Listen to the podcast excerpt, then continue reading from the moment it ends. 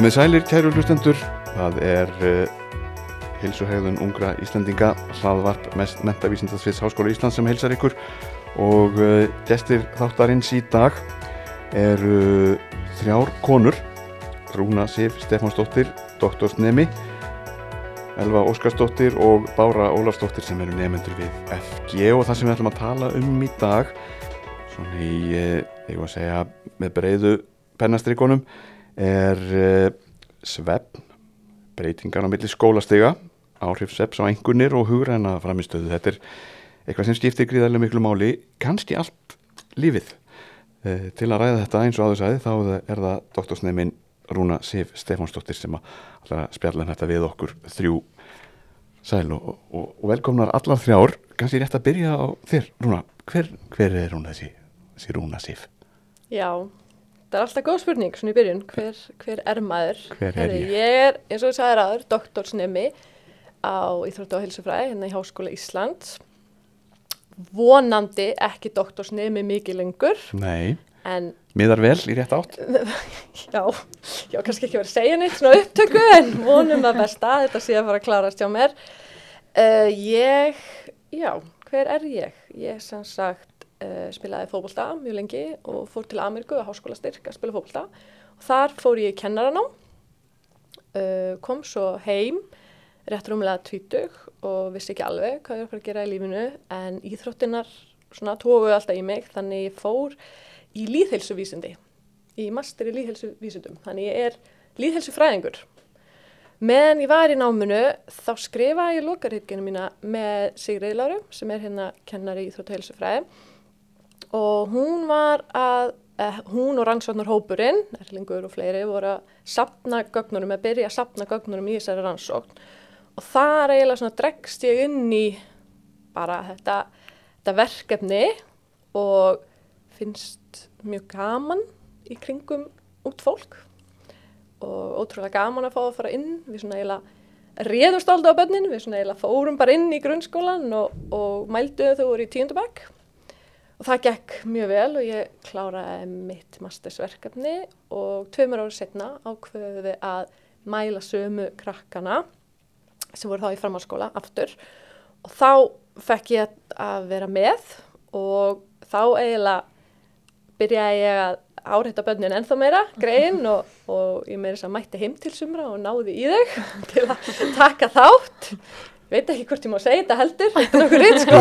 Þú búin að því, getur ekki tekið aftur. En það var mjög gaman, það var eh, þetta krefjandi að ná í þau svona út um allt í framhaldsskólanum en ótrúlega skemmtilegi krakkar og mældi þau öll aftur og gaf þeim úrinn og gerðum það allt og síðan þá hefur þetta verið svona eiginlega litla barni mitt, þetta verkefni og, og nú er ég að vinna upp úr því doktorsgráðunum mína sem ég vonandi ver núna að setja á þessu ári.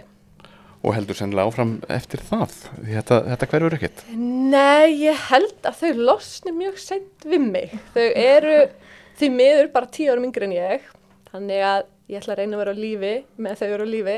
Þannig ég hugsa vonandi, svona ef maður fær tækifæra á því, þá mun ég reyna að skoða þau aftur, vegna þess að við erum búin að skoða núna 7 ára, 9 ára.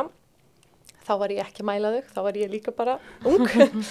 En svo 15 og 17 ára og vonandi kannski þau eru orðin svona fullorðin, eða svona setni, nú erum við að skoða þessi snem ár, verða fullorðin en svona þau eru orðin aðeins eldri og lífið orðið ennþá flóknara heldur um að var þegar maður var úlingur, ótrúlega en satt. Þannig að vonandi held ég áfram núna eftir doktorsnámið að skoða þau frekar. Og svona langtíma rannsóknir eru mjög mikilvægir og það geta varpað miklu ljósi á það sem verið er að rannsaka eða eitthvað. Já, það var ótrúlega áhugavert að það voru bara tvö ár á milli sem við vorum að skoða þau, 15 ára og 17 ára en því breyting sem á sér stað á þessum árum. Maður, maður manuð þetta eftir að hafa verið sjálfur ungur og maður man eftir þessum árum en maður gerði sér ekki alveg grein fyrir þegar maður var að setjast niður og skoða bara svona tölur sem voru að koma bæði upp úr svefninum, hvernig þeim gekk í þrekprófunum, þegar maður var að spjalla bara við þau, nú hitti ég þau öll og var að mæla þau og, og bara hversu hratt lífið eiginlega bara svona snýrist í ringi, sko, það var alveg Já. ótrúlegt. Á bara öðr skömmum tíma. í Á rauninni. bröskum tíma, ég meina, það var einstaklingur hjá okkur sem var búin að fá bílprófið var búin að missa bílprófið og búin að fá bílpróf aftur, til dæmis til dæmis. og það er talsverð mikið breyting Og þetta er alls mikið breyting og þetta var allt bara á nokkrum mánuðum í rauninni. og á þessum aldri svona kannski frá svona kannski 13-14 ára og fram, já, fram yfir já, undir, fram undir 30 jafnvel er verða mjög mikla breytingar á lífu fólks Já, þetta er trúlega svona eitt þetta fyrsta stökk þegar maður er að fara úr grunnskólanum og yfir í framhaldsskólan. Þetta er ótrúlega mikil breyting og stelpuna getur kannski talað þess um það. Þetta er margt sem breytist á þessum árum, ekki bara skólinn og vininir heldur margir skipta um húsnæði, fólk er að fá bílpróf eins og ég er að tala um, uh, vinahópurinn, maður er að prófa í mig slegt, uh, maður er að finna sig hver maður er, maður er að læra mismunandi hluti og þetta er, lífið orðið flækist mjög á þessum tíma. Það bætist svo margt ofan og sem að maður einhvern veginn fannst maður ekki þurfa að pæla í bara örfáum árum áður Já, það er bara það mánuðum Já, það? áður. Já. Maður fór kannski í grunnskóla og maður lappaði bara í næstu götu og þar var maður í grunnskóla og svo allt í einu þar maður að fara að læra á strætókerfið. Því nú það maður að, eða finna sér far eða, já, þannig að þetta breytist mjög hratt. er, er þetta svolítið lýsing á ykkar unglings árum? Já, klálega, sko. Já, Já, þið tengið þetta Já, já, og þessi stökk já maður finnur alveg mikið fyrir þessum breytingum sem verða þannig að milli, sko. já, þetta var alveg stort stökk að skipta á grunnskóla yfir í mentiskóla. Mm og það er með það sem þú ætlar líka að tala um á eftir að það er þessi, þessi þrepaskipting í lífinu sem, að, sem samfélagið svolítið ákveður Já, í rauninni erum við, við erum múið að lítið að spyrja börnin hvort þau séu tilbúin.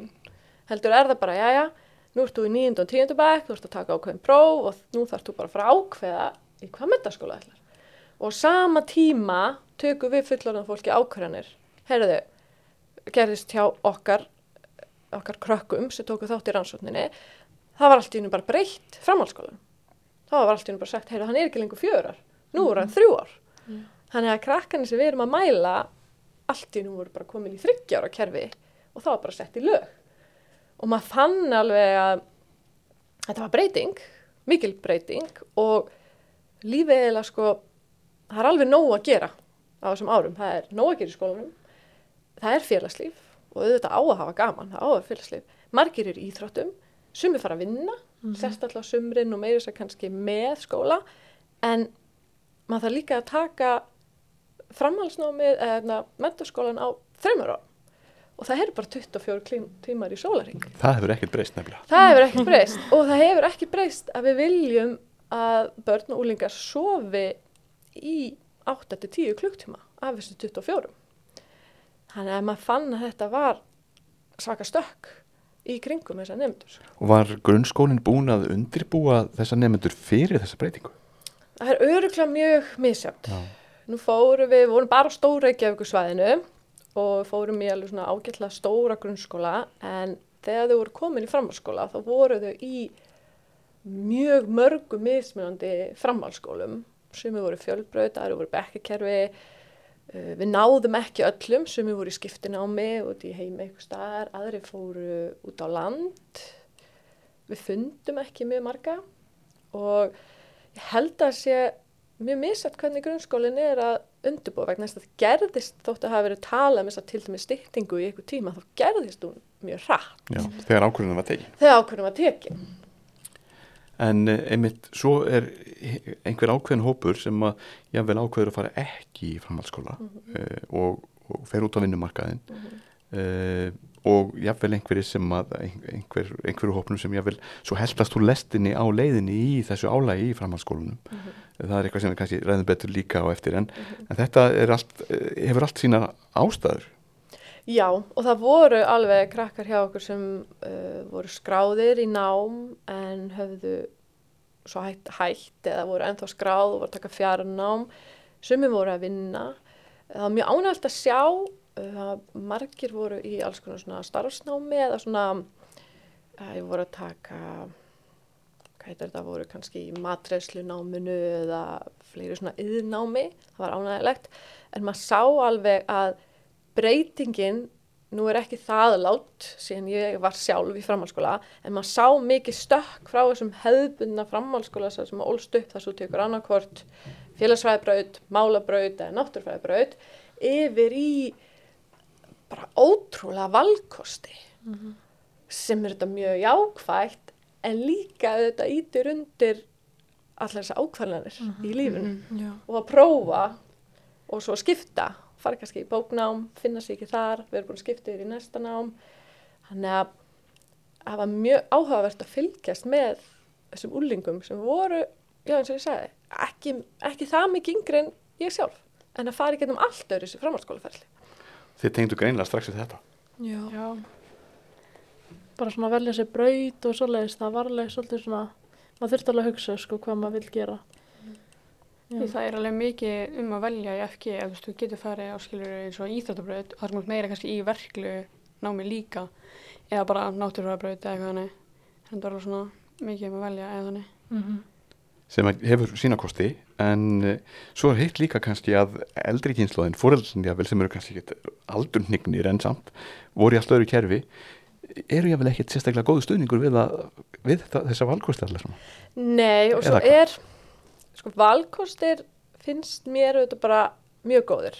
En við sáum til dæmis að úlingarnir sem við skoðum voru öll í svona eins stundatöflu í rauninni, í tíundabæk. Voru öll að byrja í skólanum 10 mínútur korti, 20 mínútur yfir 8, pluss mínus, sem í grunnskóla eru komin í hálf 9, aðrir eru nær 8 og öll að klára skólan á svipum tíma, trú fjör. Þannig að það var dálítið svona það var breytileiki í svefninum 15 ára eins og, eins og vaka talaði þessum hérna aðeins í fyrir þættunum en þau voru samt öll á svona, í svona svipuðum takti. Það er dálítið þessi svipaði taktur í tíundabæk hjá langflestum allavega. En það sem mikla breytingin var við 17 ára er að sumir eru í bekkikerfi aðrir eru í fjölbjörnakerfi sumir eru með svona mjög fasta stundatöflu og eiga alltaf að mæta ákveðnum tíma og eru búin ákveðnum tíma og svona mikla skorður í kringum bara skóla hjá þeim. En svo eru til dæmis mjög margir komnir í fjölbraut eins og til dæmis FGR og þar er maður kannski sumadaga mánda á maður kannski mæta kláðan átta, er eftir umlega átt í skólan en á þriðdeginu mæti maður kannski ekki fyrir í hádeginu. Já.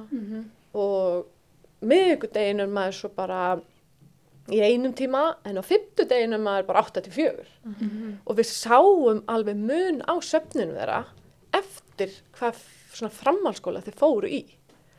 Og það, það var dálítið svona sem kom á óvart.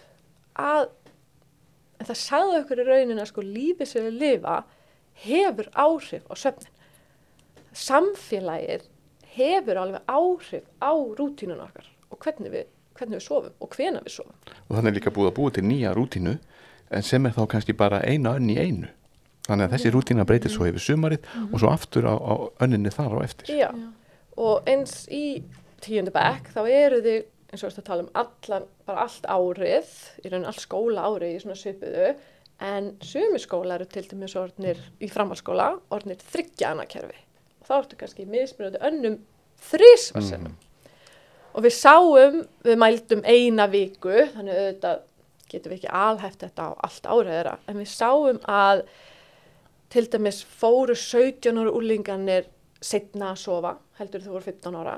Og það er alveg náttúrulegt. Við, við seggum söfninum okkar þegar við erum úlingar við viljum fá svona meira sjálfstæði. Við við svona sifjar setna á kvöldin þannig að 15 ára voru fara að sofa svona meðatali kannski rétt um eitt sem er mjög seitt en jú, en svo þau voru 17 ára þá var þetta að fara að færast sko tvö á nóttunni. Líka mjög seitt en það sem var svo áhugavert er að þau voru öll að færa setna allir krakkanir, saman hvað þau voru í rauninni. En það var þessi munur að hvernig þau voru að vakna. Þeir sem voru í bekkakerfinu voru öll að vakna fyrr þau áttu greinilega að mæta alltaf á hverjum degi aðeins fyrir skólan. En þau sem voru í svona fjölbröðkerfinu sem er meira svona bara einstaklingsbundið oft, það er svona auðveldara stundum að skrópa eða velja sér tíma kannski setna á daginn ef maður er sér svona B-tíma. Og þau voru að vakna oft aðeins setna þannig þau fjölbröðakrakkarnir voru að sofa aðeins lengur inn í morgunin þá inn í morgunin og náði þá heldar fleiri klukkutíma sem að er þá jákvægt eða hvað Já, þau voru s- 24 mínútur, voru að sofa lengur. Já. Þannig að á hverjum deg eða yfir vikuna yfir vikuna. Þannig að sko, við sáum við 17 ára á skóladögum eru nefndurinn á undir 6 klukkutímum á sögn sem ég held að væri ekki bara persónulega hægt, en það er greinlega hægt. En þeir sem voru í þessari fjölbötukerfi, þeir svona aðeins náðu að vera þess að nokkra mínútur lengur sem, sem er gott, þannig að við viljum að við sofi lengur. En spurningin er þá, eru við í samfélaginu að vekja þau og snemma? það er eitt af þessu sem að uh, þú ætla kannski að hjálpa okkur að svara á eftir mögulega þó sé ekki eitt, ein, ein, það er ekki eitt ákveði svar við þessu kannski en það hafa verið uppi hugmyndir ég verðum að færa til klukkuna uh, og, og, og gera einhver, eitthvað svona til þess að, að uh, koma til móts við sveppþörfina og uh, ég las grein og eða frétt um, um danskan skóla, mann ekki hvort það var grunn eða, eða framhaldsskóli sem að lefði nefndum sínum að velja hvort þau mættu sko mótnana klukkan 8.10 eða klukkan 11 eða hvað það var Já. Er þetta Já. eitthvað sem að væri gæti verið lausn eða mögulegt í íslensku samfélagi? Þetta allt er hægt, eða viljinni til staðar. En, eins og við munum náttúrulega bara spyrja nefndur núna eftir, sko, margir, við höfum verið að tala þetta um þetta, þannig það, það sem við sáum bara svart og hvítu í bara niðurstónum okkar, var að þeir sem voru í þessu fullbúti kerfi, þar sem bóðu upp aðeins meira svigurum, þau voru að vakna setna og fá aðeins meira svefn. Þannig auðvitað var svona einn fyrsta spurningi sem við spurðum var af hverju erum við þá ekki bara að bjóða þeim bjóða þeim kunna að vakna, bjóða þeim að mæta þeim setna, bjóða þeim að fá vegna þess að náttúrulega vilja úlingar þeim sifja setna, þau vilja fara setna að sofa. Það er líffræðilegt, það gerist í lík, líkamannum okkar. Sem börn og sofa þetta meira, svo kemur þessu svona 13 ára, svona þau erum í þessum kynþróska að við svona seggum okkur. Og svo fer það aftur tilbaka í raun þegar við erum mónið fullorinn og þetta verður gert til að þau svona myndu vera sjálfstæð. Þá er akkur það sem við erum að spyrja okkur er þarf samfélagið að íta þeim að stað þegar þau eru kannski ekki náttúrulega tilbúin. Er ekki allt í læg fyrir þau að fara að sofa aðeins setna og gefa þeim þessu 1-2 klukkutíma bara um morgunin. Þurfum við að koma 17, 18, 19 úrlingunum okkar af stað klukkan 8 á mótnana? Er það þeirra greiði eða eru við bara að láta fylgja okkur? Við erum ekki að sömu stundatöflu náttúrulega, líkamar 15 og 17 úrlinga er ekki eins þurfum við að íta þeim alltaf til okkar. þannig að þú mælir eða þeir sem hafa rannsakað að mæla með því að, að gera þetta svona þar sé að miða við líkamsklukku svona hins meðal Já, en svo heyrum við mikið frá til dæmis fóreldrum og fleira ef við bjóðum þeim að mæta setna fara þá ekki bara setna að sofa? Það er það sem allir, allir segja. En rannsóknin okkar hún síndi að þeir sem voru í bekkkerfi og framhanskólakerfi þau fara bæði setna að sofa. Þau fara mjög svipum. Það var ekki svona tölfræðilega margtaku munur á hvenu þau fóru að sofa. Það var bara sér tölfræðilega margtaki munur á hvenu þau vöknuðu. Þar liggur munurinn, stærsti munurinn hjá okkur eins og Í ég sagði þessari rannsókn, já. í þessari rannsókn, þetta er erfitt að alhæfa þetta voru þetta bara ein vika en þar lá svona þessi munur sem var svona áhugavert og ég muna mér langar að taka við stjórnuna og spyrja bara hérna nefndun okkar þú veist, myndu þið er það ástæði völdu fjölbrönd? Nú eru þið báðar í fjölbröndukerfi eða ekki? Mhm. Hafði þetta áhrif? Nei, ekki á mér sko. Ég er að mæta 8-10 alla daga en það er að því að ég er að velja 5 áfanga. Ég hefði líka. getað velja fjóra og verið þá að mæta setna einn daginn í vikunni eða eitthvað svo laus og vera í gati þá milli, þú veist, í hátinn eða eitthvað svo laus. En það hafði ekki neina áhrif sko. Ég held að ég sé að fara líka við fyrr af staði skólan heldur en vinkunum mína sem eru í bekkjakerfi. að þetta hefði engin áhrif á mig sko. Ég bara ákvaða að fara í FG út af, ég var að sækja til íþjóttabrautinni. Já. Þannig að það er ástæðan fyrir að fór þangað en ég, þetta hefði engin áhrif á mig sko. Ég Mm. bara held ég myndi fara að á sama tíma og allt það sko. Já. Vakna að svipið um tíma eitthvað líka. Finnst ykkur þægilegt að vakna bara með þú veist, heimilinu? Já, Já, já, ég meina þú veist ef að það væri verið að bjóða upp á það að mæta setna, þá væri ég samt örglega einn af þeim sem myndi mæta fyrr eða að því þá er ég, get ég haft daginn í að gera eitthvað annað Já, og læra líka. þá heima, fara á æfingu, vinna og svo fleira. Já, ég myndi gera það sama, ég myndi mæta frekar fyrir um morgunin, heldur nú að vera að senka þessu og þá er dagar kannski bara meiri búin hérna er búin í skólanum. En ég meina það eru margir sem hugsa öðru sig og hugsa bara, já, ok, ég ætla að sofa lengur og fara þá bara setna í skólan. Og það, já, það er svipað eins og við að tala um þessar Mm. A og B típur Já. og það er svo fyndið að það er í raun í genunum okkar. Það halda allir sko, ó, þú ert bara latur, þú nennir ekki að vakna Já. eða, ó, hvað er að þér, akkur vilt ekki sofa lengur. En þetta er partur, alveg eins og hæð og, og auglitur og hárlitur og persónuleiki og fleira. Þetta er partur á okkur. og Hvenær- ekkert svo auðvelt að breyta því Nei, það er ekki svo öðvöld að breyta. Það kom alltaf stig í lífinu, alveg eins og það er hérna virðast vera svona aðeins meiri A-típur, svona með hvernig það er tala. Það kemur stig núna í þeirra lífi þar sem það er, það er það vilja alveg fara aðeins hérna að sofa, Aha. sofa öruglega um helgar, svona aðeins Já, inn. já. Og alveg eins og ég, ég er svona þessi típiska B-típa sem vil svolítið vera vakandi á nóttunni og sofa um morgunin, en svo eignast ég bad og badni mitt er ekkert sammála því að það sé gott að sofa út um helgar það er bara að vakna klokkan 6 og Já. þá bara á ég að fara að lita það er ekkert að gá á er ekkert, hún tekkar ekkert á klukkunni Nei. fyrir mömmu sko. Nei. Þannig að það koma þessi svona tímabil í lífinu en ef að ég ætti heima út á, ég veit ekki, upp í sveit eða upp í fjalli eða í kofa einhver stað þá myndi ég öruglega svona fara aðeins setna að sofa og vilja sofa aðeins lengur um morgunin ef að ég ætti engan í mínu lífi og engar skildur eða neitt. En samfélagið hefur samt áhrif eins og við höfum verið að nefna og, og uh, jafnvel á hvernig líf okkar þróast. Er það ekki? Jú, og það eins og við töluðum um þetta aldrei áðan og, og stelpunum að tala um líka, sko, það er mjög gott að það séu mörg mismöndu tækifæri í bóði Mm vegna þess að við viljum auðvitað gefa sem flestum í samfélagin tækifæri til þess að blómstra og það er mjög gott að til dæmis fyrir þess að hefbundnu svona ef við tala alveg um það sem er í bóksinu þetta er þetta mjög svona einstaklisbundi þess að hefbundu A-típur að bara geta vakna á mótnana, fara kannski snemma í rektina vera búið með það eins og þær voru talið vilja kannski bara klára daginn og eiga daginn. En þá eru A-típurinn líka ofta að fara fyrir að sofa. Þær eru kannski ekki að fara að sofa klant 2, 3, 4 á nóttinni þær eru kannski sopnaðar upp undir miðnætti. Þannig þær eru að ná vonandi þessum 7, 8, 9, 10 8, 9 klukkutímum að svef en á móti kemur að við viljum bjóða sama upp fyrir B-típunar þar sem þau kannski eins og tala um, velja kannski að mæta aðeins einn í skólan og það er kannski bóði eins og skóli svo að tala um bóði fyrir þau að mæta kannski tíu í skólan vegna þess að þau vilja kannski gera allt aðeins setna -hmm. og finnst kannski mjög gott að læra bara eftir miðnætti það allir eru farnir að sofa og fá þá að sofa þess lengur í morgunin.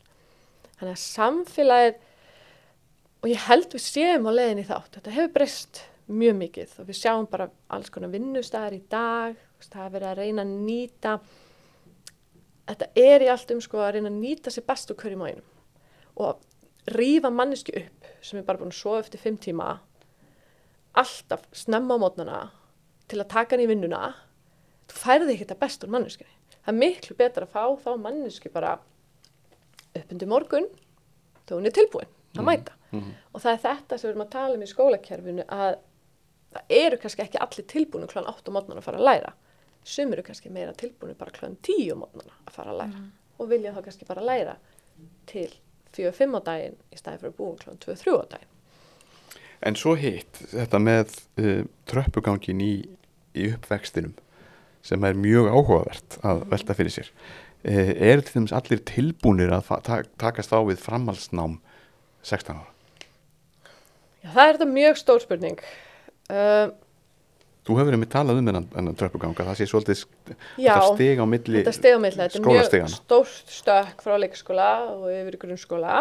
Það er bara, krakkar eru fimm ára í leikskóla og svo allt í hennu byrjaði í skóla og það er svona oft, já, kannski ekki góður undirbúningur eða bara svona allt í hennu næsta skólasteg. Mhm. Það það eru þetta samkvæmt skýrslum eru mjög margil sem 96% eða eitthvað sem skrá sig í framhalskóla strax eftir tíundu bekk mm -hmm. því það er svona samfélagið en það er líka hvað ég held sem að hæsta hlutfall það var skýrslan sem sagði sko að við erum 24% núna sko árið 2015 var skoða þá sem voru skráðir í framhalskóla og á þessum fjórum árum sem framhalskólinn var mm. það var alveg sko 24% brottfall sem er með í hæsta sem gerist í Evrópu. Sem hætti það bara í skóla? Sem hætti og ná, eða fara... Já, detta út mm. og mjög margir koma svo inn aftur já, já. en það er þetta svona það er aldrei mikið brottfall úr framhalskóla mm -hmm. og ástæðinu fyrir því gæti svo sem verið margar ekki nægur tími mikið að gera fyrir sumar kannski lenda í erfileikum eða fleira en þetta er aldrei svona brött brekka mm -hmm. sem við töluðum um bara grunnskólinn og struktúrin þar og svo bara hoppaði allt annað kerfi Mhm. allt annað félagskap þú þarfst að hafa að fara eins og því fjölbreyt þið þurfið að skrá ykkur í réttu áfangana Mhm. Já. velja allir að taka fjóra eða fimm ég þarf að passa að taka ennsku 100 og undan ennsku 200 og þessi Mhm. bara í búið hérna og púslis öllu saman og þetta er aldrei svona þetta er aldrei mikið stökk Já.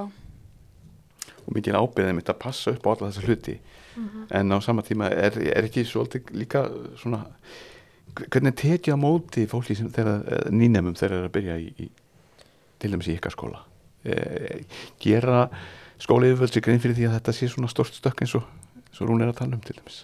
Sko ég held það, ég meina þegar ég byrjaði aðeins setna að mæta í skólan, ég var í fjarnámi bara, en mér fannst alveg verið að tekið vel á móti mér og uh, námsókjaðin fór alveg yfir allt og hjálpaði mér að velja áfanga og svo leist, þannig að ég var ekki bara, það var ekki ég sem þurfti að gera það sjálf og finna leiður út af því, en veist, þetta er auðvitað miklu meiri ábyrð heldur en var þegar þú veist í tíundabekk og þá þarftu bara, þá ertu bara í einhverjum áfengum og þú tekur það bara með öllum bekknum. Þannig að þetta er miklu öðrusi í framhaldsskóla. Það er hérna fyrsta árið alltaf í FG það er búið að stilla upp fyrir hverja önn svona áfengum sem allir á þessari braut taka kannski þennan, þennan og þennan en svona alltaf breytist þetta líka bara eftir hvað, þú veist, þú getur alltaf breytt í það sem þér langar að gera en samt enda maður einhvern veginn alltaf í suma þessum áfengum en eftir það þarftu bara að gera allt sjálfur eftir fyrsta árið, sko. Þannig að þetta er mikil ábyrð Já, þetta er Já, og þetta er voða mikil lærdómskurva mm og maður sér alveg að sérstaklega eins og þetta hann bara breytingar en svo fara maður að fara að læra fyrir bílprófið, maður vil taka Já. það Mhm. maður er kannski með vini sem er allt í svo orðinu óvinnir, sem eru alltur orðinu vinnir og svo er maður kærasta eða kæristur eða félaga og maður er að fara í gegnum taka átt í leiksýningunni eða komin í Mhm, íþróttir mhm, og svo já. tala um íþróttabraut svo Mhm. listabrautir á maður að skipta á milliskóla ég til dæmis valdi fyrst bekkikerfi svo breytti spekkurum minn og, og ég fann ég vildi hafa meira stjórn á mínu námi þannig þá skipti ég í fjölbrutakerfi þannig þetta er svona þetta er aldrei mikið stökk og það endur speklaði þessi dáliti í til dæmis niðurstöðunum hjá okkur var að við sáum þetta til dæmis líka með reyfinguna við sáum munin hann í svefninum eftir hvort þið voru bekkir eða fjölbrutakerfi við vorum með svona þess öðruvísi munstur.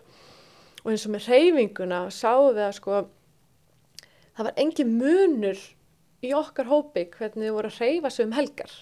Þú voru að reyfa sig eiginlega bara alveg eins semst, jafn, þetta er svona slög í rauninni, þetta er alltaf erfitt að útskýra þetta er ekki, við vorum ekki að mæla bara hversu marga mínútur vastu, heldur svo tókuðu bara eftir hvernig reyðu sem í úrin.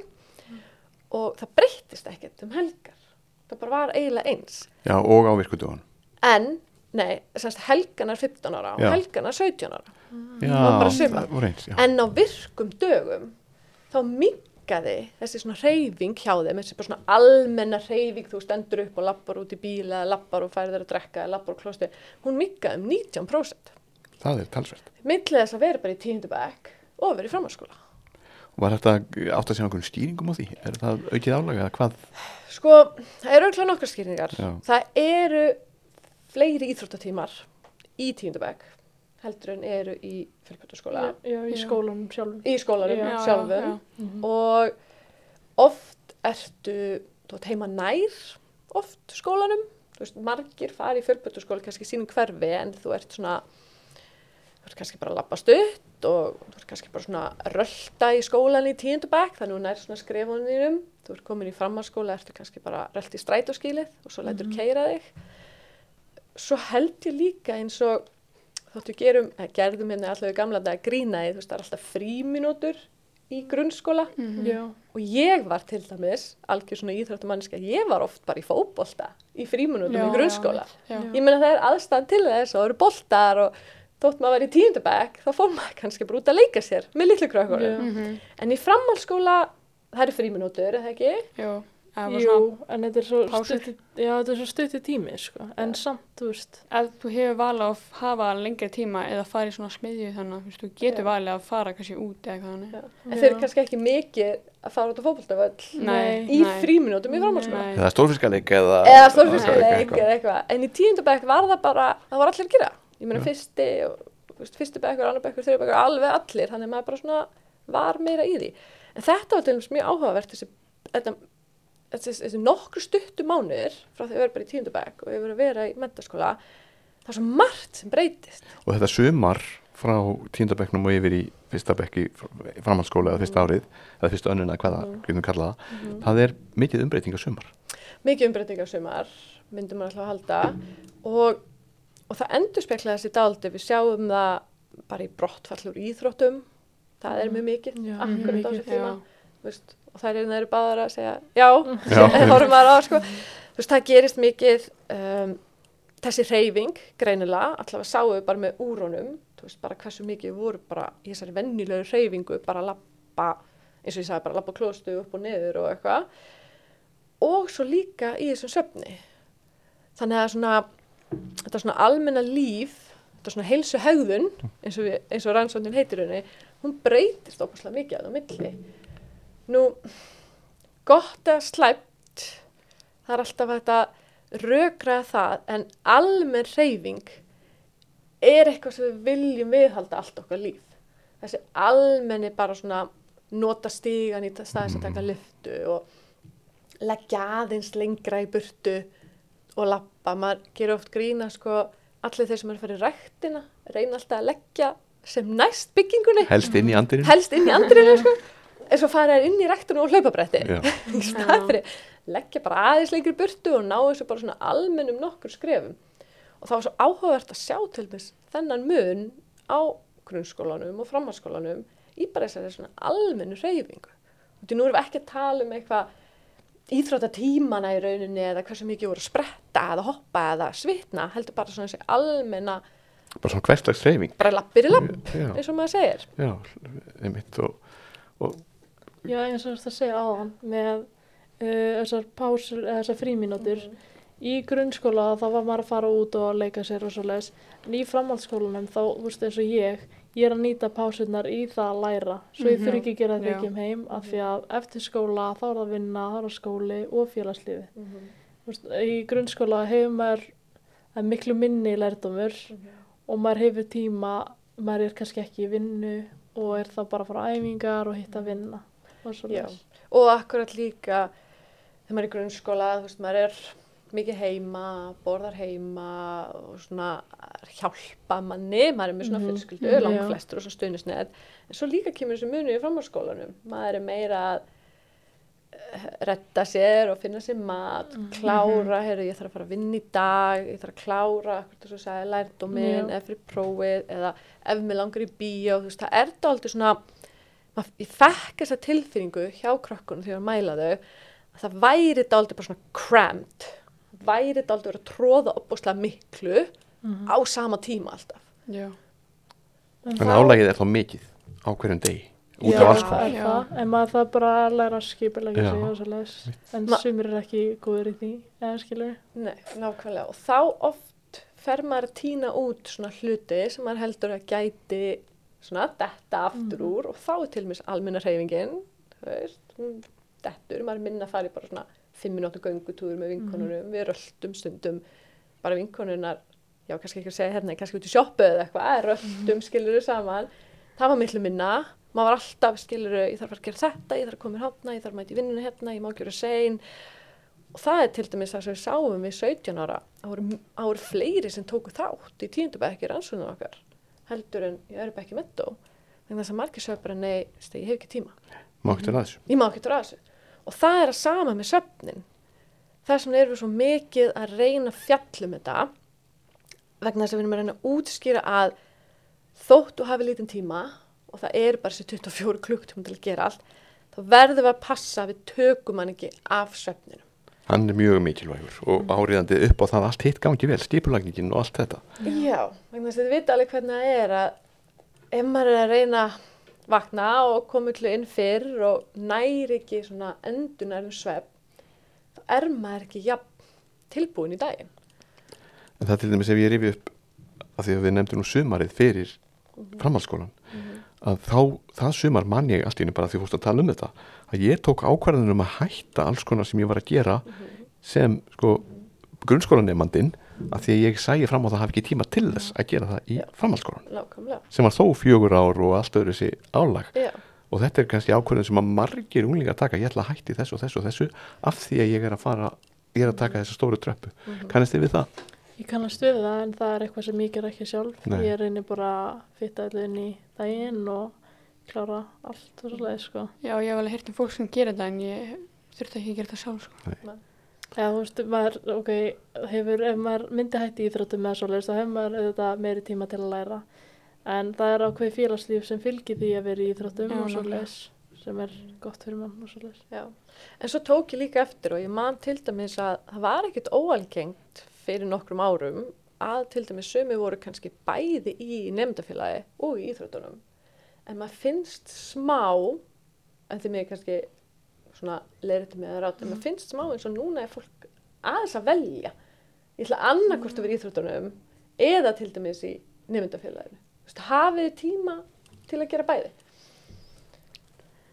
Ég, veist, já, ég myndi alveg hafa tíma en ég er líka í vinnu og svoleiðis, en ég er svolítið mikið þannig mannski að ég bý til tíma ef það er ekki tími, skilur, og ég retta þessu, en já, Ég myndi halda það sko, maður getur einmitt búið til hann tíma bara fyrir hlutina sem maður þarf að gera en þetta er kannski, þú veist, maður kannski hefur þá einmitt ekki tíma til að sofa já mikið og maður þarf að Nei, gera eitthvað einmitt. svoleiði sem maður er að tróða allir inn í Já. einn dag eða þú veist. Já. og þá einmitt er það svefnin sem að verður fórnalambi Já, við sáum það smá og svo er svo fyndið að þetta rannsóknir okkar og við skoðum þetta mest og erum að skoða 15-17 ára. En svo þegar við erum núna búin að fara inn til með skólana og við erum búin að tala við fóreldra við erum búin að vera með svona almennar svona málstofur og tala um þetta og ég ræði kannski við fólk á mínum aldri eða, eða ennþá eldra þá fylgir þetta oft líka inn í fullorðisárin. Er að margi þar þú veist að við tölum bara fullorna einstaklinga eru kannski með börn og heimili 8-4 vinnu og svo reynaðu til dæmis þá að koma reyfingu eða ræktinni fyrir til dæmis á mótnana.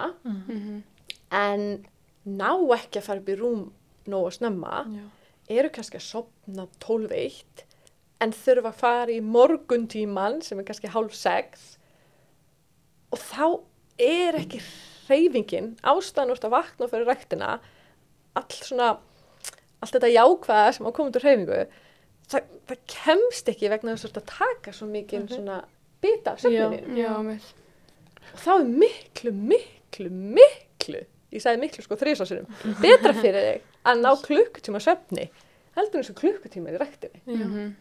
en einmitt eins og þær hafa verið að lýsa og þú hafa verið að lýsa niðurstöðum úr rannsóknum og, og það sem að margir kannski þekkja á fullanusárunum sínum að það er verið að reyna að tróða mikillir dagskrá inn í lítinn tíma. Þú veist, fyrir utan ræktina og vinnuna og fjölskylduðstúsi þá eru alls konar það er félagslíf og það eru saumaklúpar og það eru kallaklúpar og það eru golfklúpurinn og það er Lions og endanust hægt að finna eitthvað.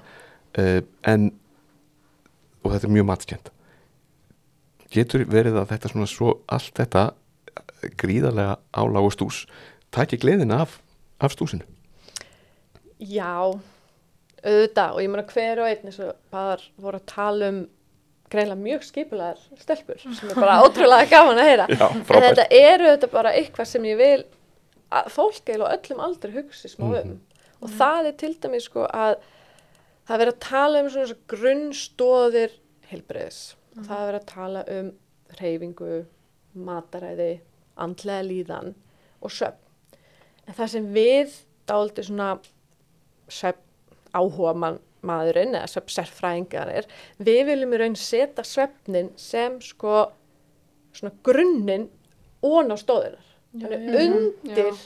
hreyfingunni, andlu líðan, uh, mataræðinu, það er svefnin. Mhm. Já. Og ef þú ert ekki með hann í góðu ásökumulagi, þá falla hinar stóðunar. Mhm. Vegna þess að það er, og við tölum eða vaka og þau koma aðeins inn á einn áðan, mataræðu og fleira, það er svo erfitt að reyna hugsa um og hreyfinguna og vera svona rétt stemdur í daginn og í stressið og álæðið ef við náum ekki svona endunarum svefn. Þess vegna erum við að reyna svona fjalla um þetta og tala um að koma upp góðri svefnrútinu og vera með dálítið svona góða reglu í þessu, það hjálpar okkur að takast á við daginn.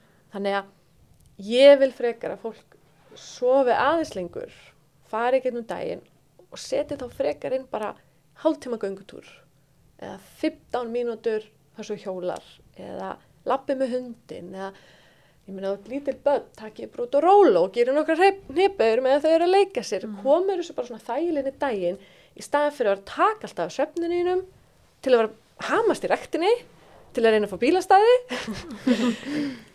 En þú ert alltaf þreytur en þess að þá ferðu bara borða verð þú ert miklu líklega til að finna fyrir kvíða.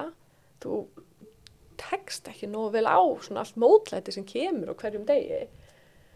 Þess að þú ert eiginlega ekki búin að svona ná að skóla út áhyggjunum, þú ert ekki búin að ná að svona hlaða þig eins og vaka var að tala um áðan. Þú veist, ef þú, þú nær ekki að hlaða þig, þú ert alltaf hálf tómur hvernig ætlar þá að setja meira og meira og meira á líkamann? Og það kemur að því að eitthvað hrinur gefur sig, er það ekki? Jú, sérstaklega þú ert ekki með stóðirnar Já, nógu fastar. Sko. Þannig að þetta er svona þessi þægilega pilla er þessi svefnpilla. Án þess að taka svefnlif heldur bara að sofa. Halla aftur augunum og fara svo halla aftur augunum og vera í þægilega herbyggju og setja hann svona í smá forgang. Lítið þið þannig á svefnin? Mm, Nei, Nei, ég er ekki alveg nógu góð í að sinna svefninum. nei, það ekki er- alveg. En ég finn alveg fyrir því að ef ég er að fara að sofa seint og vakna snemma á stór dagur eða langur dagur framöndan, þá er alveg erfiðar að gera allt. Það tegur líka eftir þessu eins og á æfingum. Já, Man, man er miklu svona, að ég nenni ekki að vera hérna eða þú veist, ég get ekki gert þetta eða þetta, maður sefur ekki nú. já, Þetta er mjög lýsandi, er það ekki? þetta er mjög lýsandi og við getum ekki við getum ekki eins og við erum búin að tala um lengt daginn. Nei. og Nei. því miður eða ekki því miður og því miður, þetta viljum við lifa. Mm og við ætlum aldrei að fara að segja við úlinga að hafa ekki gaman eða njóti ekki eða hætta stunda íþróttir eða vera ekki að læra eða eitthvað. En við þurfum aðeins að forgáðsraða og ef að við komum svefninu í fína rútínu svona finnum dálítið svona góðan takt og höldum honum dálítið bara svona svona jöfnum og góðum, erum ekki að breyta of mikið á milli virkata um helgar, erum bara í svona fínum takti og finnum þessar svona tíma sem okkur eru fínir, fyrir suma er það 7-8 klukktímar, fyrir aðra er 8-9 klukktímar, það er mjög einstaklisbundið, en það hjálpar okkur, sérstaklega þegar við erum bara orðin fullorðin og eldri bara lífslegin, eða bara svona reyna að eiga bara dálítið svona jákvætt samband við Þið ekki svolítið væntum hann. þykja svolítið væntum hann. Ekki að hræðast hann. Það kemur alltaf slæma nætur. Alltaf, það gerist eitthvað hjá öllum. Það hvað sem það er það kemur alltaf tímabil sem við sofum illa. Kemur alltaf tímabil í lífinu þar sem við erum að ströggla í svefninum eina ástæð önnur. Kannski lokapróf og við erum að læra alltaf nóttina og það gerist alveg. En svona í heldina að vera bara dálítið svona góður við svefni sinn og, og beigja frá þessu svona ég er latur ef ég fæ minn svefn ég er ekki nú dugleg ef að ég sef mína 8-9 tíma Það er einmitt, hefur verið svolítið lenska að þykja ekkert sérstaklega svalt að sofa mjög lengi. Eða það er að segja, Já, það er aðeins að breytast, er það ekki stelpur? Jú, eða ég veit það ekki. Nei, ég, nei, ég veit ekki alveg. Ég er að vona að sé að breytast frá því að bara, en það er þetta svona, þetta, þetta íslenska, svona, vertu duglegur, vertu ótrúlega dugleg og bara vaknaði núna vegna þess að þú veist bara til að leggja hönd á plóg. Til að leggja hönd á pló og Já. koma hérna. En ef við ætlum að vakna snemma þá verðum við að fá að sofa snemma. Ef að við ætlum að fara í bíó sem byrja klokkan tíu þá ertu ekki að fara að sofa snemma og þá verður að sofa að slenga morgunin eftir. Þannig við þurfum alltaf að stilla þessu upp. Ef að við erum að keppa eða æfingu, sett á kvöldin þá þurfum við að reyna að hafa aðeins meiri morgun til að ná svefninum. Og þetta er erfitt og þetta getur verið kvíðavaldandi að, að leggja þetta á sig. En bara svona já, vera dálítið vera dálítið góðu við sjálfa sig. Hugsa hvað hjálpa mér næstu árin næstu hundra árin. Mhm. ekki bara næstu nokkra mánuði heldur svona hvernig hvernig nýtist þetta mér svona allt mitt líf? Já. horfa áttu til lengri tíma. Í- góður svefn og, og hæfilega langur svefn. Mm eigur hann líkurnar á því að mann gangi vel í því sem maður er að taka sér fyrir í lífinu? Hækkar hann einhverjunar Já, sko 15 ára skoðu við hvernig þeim gekk á samrættuprófunu sem þau taka, er svona að breytast alltaf mikið á milli ára en þetta gerðum við 2015, þannig að það var svona hefbundið í oktober svona samrættupróf og, og við sáum að þessi fóru fyrr að sofa, þessi fóru með fyrr svona háttatíma, þeim gekk svona yfir betur. Og svo mjög áhugavert að við sáum líka að þeir sem voru með svona meiri reglu, voru með svona minni breytileika, voru dálítið svona að fara að sofa á svipuðum tíma, þeim gekk líka aðeins betur á samræðuprófunum. Svo 17 ára, þá vildum við skoða eitthvað svipað, en það er alltaf erfitt að skoða eigunir í framháskóla, það er mjög misjæmt, Já. sumir eru til dæmis í snirtifræði námi og fáa eigunir, en veist, öðruvís eigunir heldur en í starffræðiprófi. Og þá skoðum við svona hugræna þætti, eins og aftikli og minni. Og þá sáum við til dæmis að þeir sem sváfa aðeins meira nóttina fyrir prófið, og skoðum við bara sagt, þessi einu nótt áður tókum prófið, að þeim gekk betur á svona erfiðasta minnisprófunu. Þú veist, við vorum mjög svipuð, saman hvernig við sváfu, á þessum svona léttari prófunum, en þetta fóru að vera dálítið svona erfitt, svona alveg, þurftur að muna alveg fjóra tölur, það er alveg frekar erfitt, sko, þá kom söfnin aðeins svona inn í. Þannig að það er ótrúlega margt í gangi, eins og við talum bara, þú veist, þú þarft að fylgjast með í mörgum tímum, þú veist að taka inn ótrúlega mikið upplýsingum, bara það að taka bílprófið svo alveg bara heil nýr heimur og þar hefur söfnin áhrif. Við erum, við erum ekki að sitja inn og predika endalust allan daginn við alla sem nennar að hlusta um söfnin nema hann væri þess virði. Mhm. Þetta er eitt af því fáa og ef raun bara eina sem við getum ekki svona lifað af. Þú Veist, við, við getum sleppti að drekka í nokkra daga. Við erum með fytu við sem hjálpa okkur að svona, taka tímabil þar sem við borðum minna. Það sé ekki kannski nútíma samfélagi, allavega ekki í vestrænum heimi. En það er ekkit shortcut fyrir svefnin. Það er engin svona banki þar sem þú bara tekur heila viku og sefur óslega mikið, svo bara sleppur að sofa næstu viku. Nei. Það er ekkert. það gengur ekki upp Það gengur ekki upp. ég held að allir sem hafa ekkert tíma að prófa að sofa ekki í kannski bara sólaring finna hvað það hefur mikil áhrif á bara andlega líðan og, og Eftir svona 20-22 tíma þá er rauninni kemur bara sama, er svona eiginlega, þá er þetta mæla áfengismagn í blóðinu. Og því að kemur úr um sama mótsurum. Þannig að ef þú ert búin að vakandi í kannski 24 klukktíma og ferð að keira, þá er rauninni á Íslanda að þetta taka það fyrir ölfunakstur. Ástandið heilanum er svipa Ég Já. vissi það ekki. Ég segi ekki hefur. Það er nefnilega brjálega sko. Og þetta er til dæmis ekki mikið talað um eins og í Ameríku og það sem eru stóra svona highway, svona, hvað heitir þetta á íslensku, svona, þetta er kallað hraðbrautir en það ganga yfirleitt mjög hægt já, hraðbrautir, það sem fólk er að keira. Þeir sem eru til dæmis mikið að keira á þeim, svona trukkar og er keira í marga, marga, marga tíma, það eru fleiri sem deyja þar í bílslissum heldur en sem deyja vegna ölfunaraksturs eða aksturs á eituröfn. Og það er vegna þess að þau eru búin að vera vakandi mjög, mjög lengi, þá færðu svona, svona skyndisöfn. Þú dettur út í svona þrjá sekundur, ekki Já, mikið meira. já. Líka minn bara getur ekki verið vakandi endalust, það er bara ekki hægt. Þannig við svona sopnum í bara svona örstuttan tíma. og heldur þú sétt vakandi að þá Þú heldur þess að vakandi, en í þess að þrjá sekundur, ef þú ert að keira á 90-100 km hraða, þá ert þú bara dáin. Ég held ég hef lent í þessu sko, svona sopnaði í svona stuttan tíma, við erum vakandi ógislega lengi og lent í þessu og ég bara, þetta er ekkert smá óþægileg tilfinning sko. Legin eins og verið sofandi, ég var samt vakandi. Þetta er svona eins og að vera zombie svolítið einhvern veginn, maður er svo skrítin eitthvað Ég man að ég, það var mjög erfitt, ég var í sögutíma í fyrsta örubekki mentó að snemma á mótnana og það var mjög oft svona dimmt ljósinn og sitt ykkur svona glærur. Ég sopnaði alltaf, sko. En það er vegna þess að líkamann okkar, við erum ekki með svona auka byrður að svefni ykkur staða gemdar. Við, ein nótt kemur og fer og þar höfum við svefntækifærið til að sofa og svo bara byrjum við aftur á nulli. Þannig að við getum ekkert tekið bara sumafrí og unnu upp svefn og alltaf svo ekki að sofa bara heila önn. Það gengur ekkert. Því miður. Það væri mjög næs að geta sett svona staðan fyrir að við erum með fytuvef, við erum með svona svefnbyrðir. vera svona svo byrnir eða, eða Já. eitthvað, geta bara farið í hýði og sofi Já, farum við hér og í tvo-þrjum mánu. það er ekki bóði Það er ekki búið, þannig að við þurfum að hugsa þetta aldrei svona, auðvitað eins og ég sagði, við fáum alltaf slæma neytur. Og það er allt í læg, fyrir ekki allir sögukennarar, það er allt í læg að sopna smá í sög, sögutíma, af og til eða svona, en, en við þurfum, þurfum þetta aldrei að hugsa um þetta.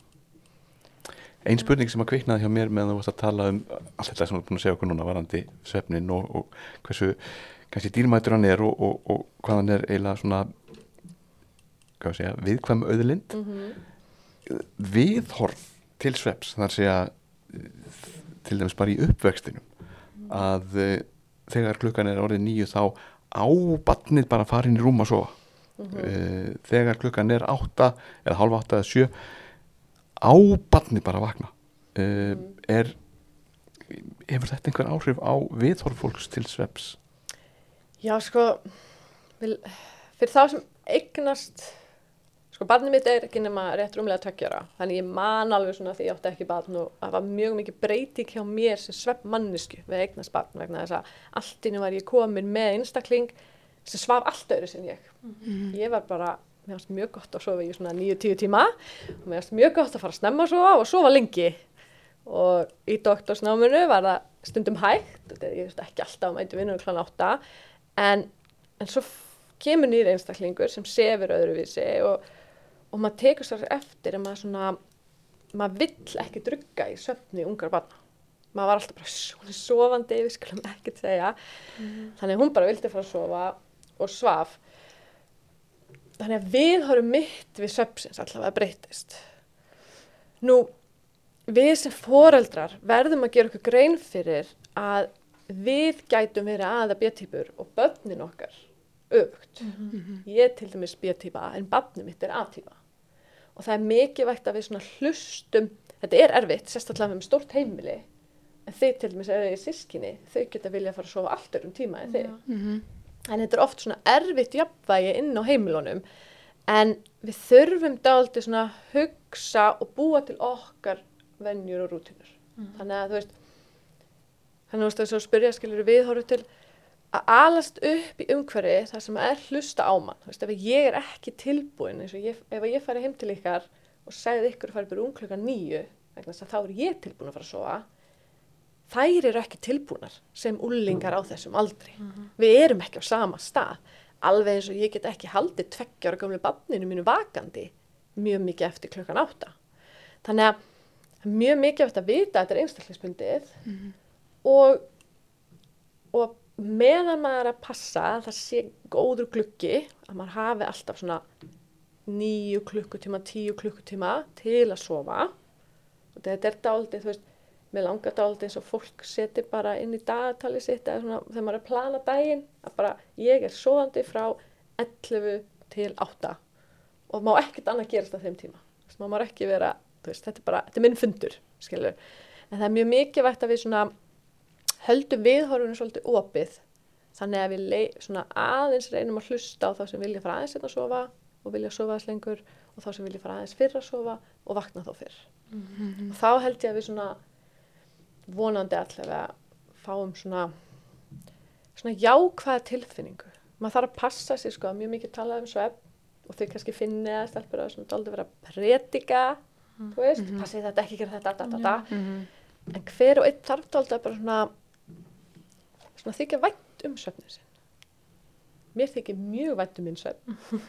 Þess vegna er ég eiginlega alltaf komin upp í rúm fyrir tíu fréttir og eiginlega alltaf ég reyna að láta manni minn vakna með bandinu svo ég sé ekki farin þannig ég ná alltaf mínu svona nýju tímum. En að við svona okkur fara svona þykja vænt um svefnum okkar. Við erum alltaf stolt.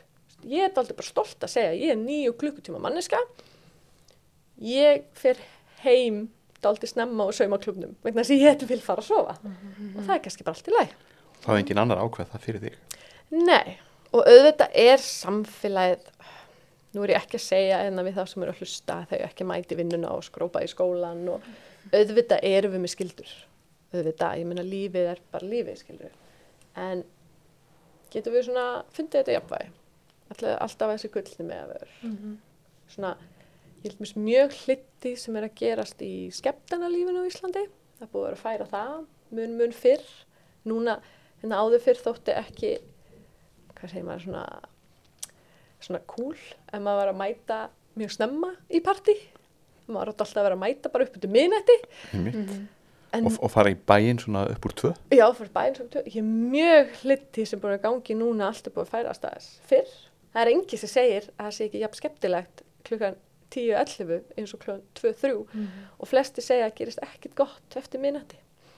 Nefna svepp. nema bara svefn það er alveg allt í lagi að byrja bara 7, 8, 9 og við erum bara komin heim upp í rúm bara á skikkilegum tíma og loka bara bænum Mhm. Þannig að þetta er jákvæð þróun á þínu mati. mér finnst þetta mjög jákvæð þróun En er þetta einmitt, hveitir þá aðra spurningu sem er búin að vera svolítið í höfðin á mér. E- Er hort á svefn og kvíld misjamt eftir samfélögum? Það er að segja, horfa Asjubúar öðruvís á svefnin en til dæmis Vesturlandabúar eða er við þorfa Afrikufólks öðruvísi heldur en, heldur en Asjufólks og svo framvís. Já. Er Við þetta eitthvað sem hefur verið reyn- rannsakað? sko við reynum auðvitað að skoða mest í okkar rannsóknum og bera okkur saman við þú veist skandinaviska þjóðir Mm og við svona vestræna heiminn uh, til dæmis Asjubúar, við Íslendingar mjög áhugavert að kannski henda því hérna fram að við Íslendingar sofum mjög stutt Almennt. Almennt og íslenskur úlingar sofa mun stittra heldur en úlingar bæði í Skandinavíu og í Ameríku. Og það er eitthvað sem hefur verið daldi lenskan en það í daldi mörg ár. Það var rannsótt gerð í hvað, 84 eða kringum 80 eitthvað. Og þá var þetta svona spurningalisti og þá komið fram að Íslendingar svo með stutt. Og við förum meiri segð þau erum að skoða núna að var rannsótt gerð bara fyrir stuttu síðan á eldri borgurum. Og meiri segð þú veist eldra fólk bara alveg saman hvað aldur við skoðum og sofa Íslendingar stutt. Það er eitthvað bara í Íslendingum að við sofum stutt. Hvort sem það sé svona menningin hjá okkur ég held að sé ekkert meira að gera hjá okkur heldur en öðrum evrópskum eða skandinaviskum krökkum. Ég meina við erum ekki meiri í skólanum eða eitthvað meiri í íþróttum eða neitt, við erum bara við erum mjög svipuð og aðrir. En það er eitthvað svona þetta þessi íslenska harka hefur einhvern veginn ítt okkur í að svo að minna Og þetta er kannski bara alltaf gammalt. Já, ég held það. Sko, við erum dálta á para við Asjubúa, þau sofa yfir stittra líka og það er vegna þess að þau eru svo ofbóðslega, til dæmis asískur úlingar eru ofbóðslega mikið í skólanum og það er ofbóðslega mikil svona menningar svona áhersla á lærdóm og aukalærdóm Mhm. Og talsverð harka er talsverð harka og það er ekki ekki að við breyst en ég held að það er ekki. Við erum ekki í skólanum í 12 klukkutíma sko. en við erum satt bara að sofa á svipið á þau. Þannig að það er eitthvað svona rótgróð ykkur Íslendinga að sofa minna. Og eitthvað sem ég vil ekki eins og hægt að segja hafa verið ákveðið heldur bara gerist. Já, við þetta þurftum alltaf að hafa svona dálítið mikið fyrir lífinu. En núna í dag bara við erum alltaf rosalega dugleg og ég vil bara vera um aðeins duglegri að sofa Svefnin hefur komið mikið við sögu hér í dag, eh, svona áður en við kveðjum ykkur. Eh, Þið Elva og- Bára, eitthvað sem að ykkur langar til að skjóta að áður en við hættum í dag? Nei, ekki þannig sko. Nei. Eru þið búin að sannfælst um það að þurfið að sofa pínu meira? Já, Já, samt bara að fitta öll inn í daginn, þannig að þetta er svona, það bara að búa til rútínu sem hendar.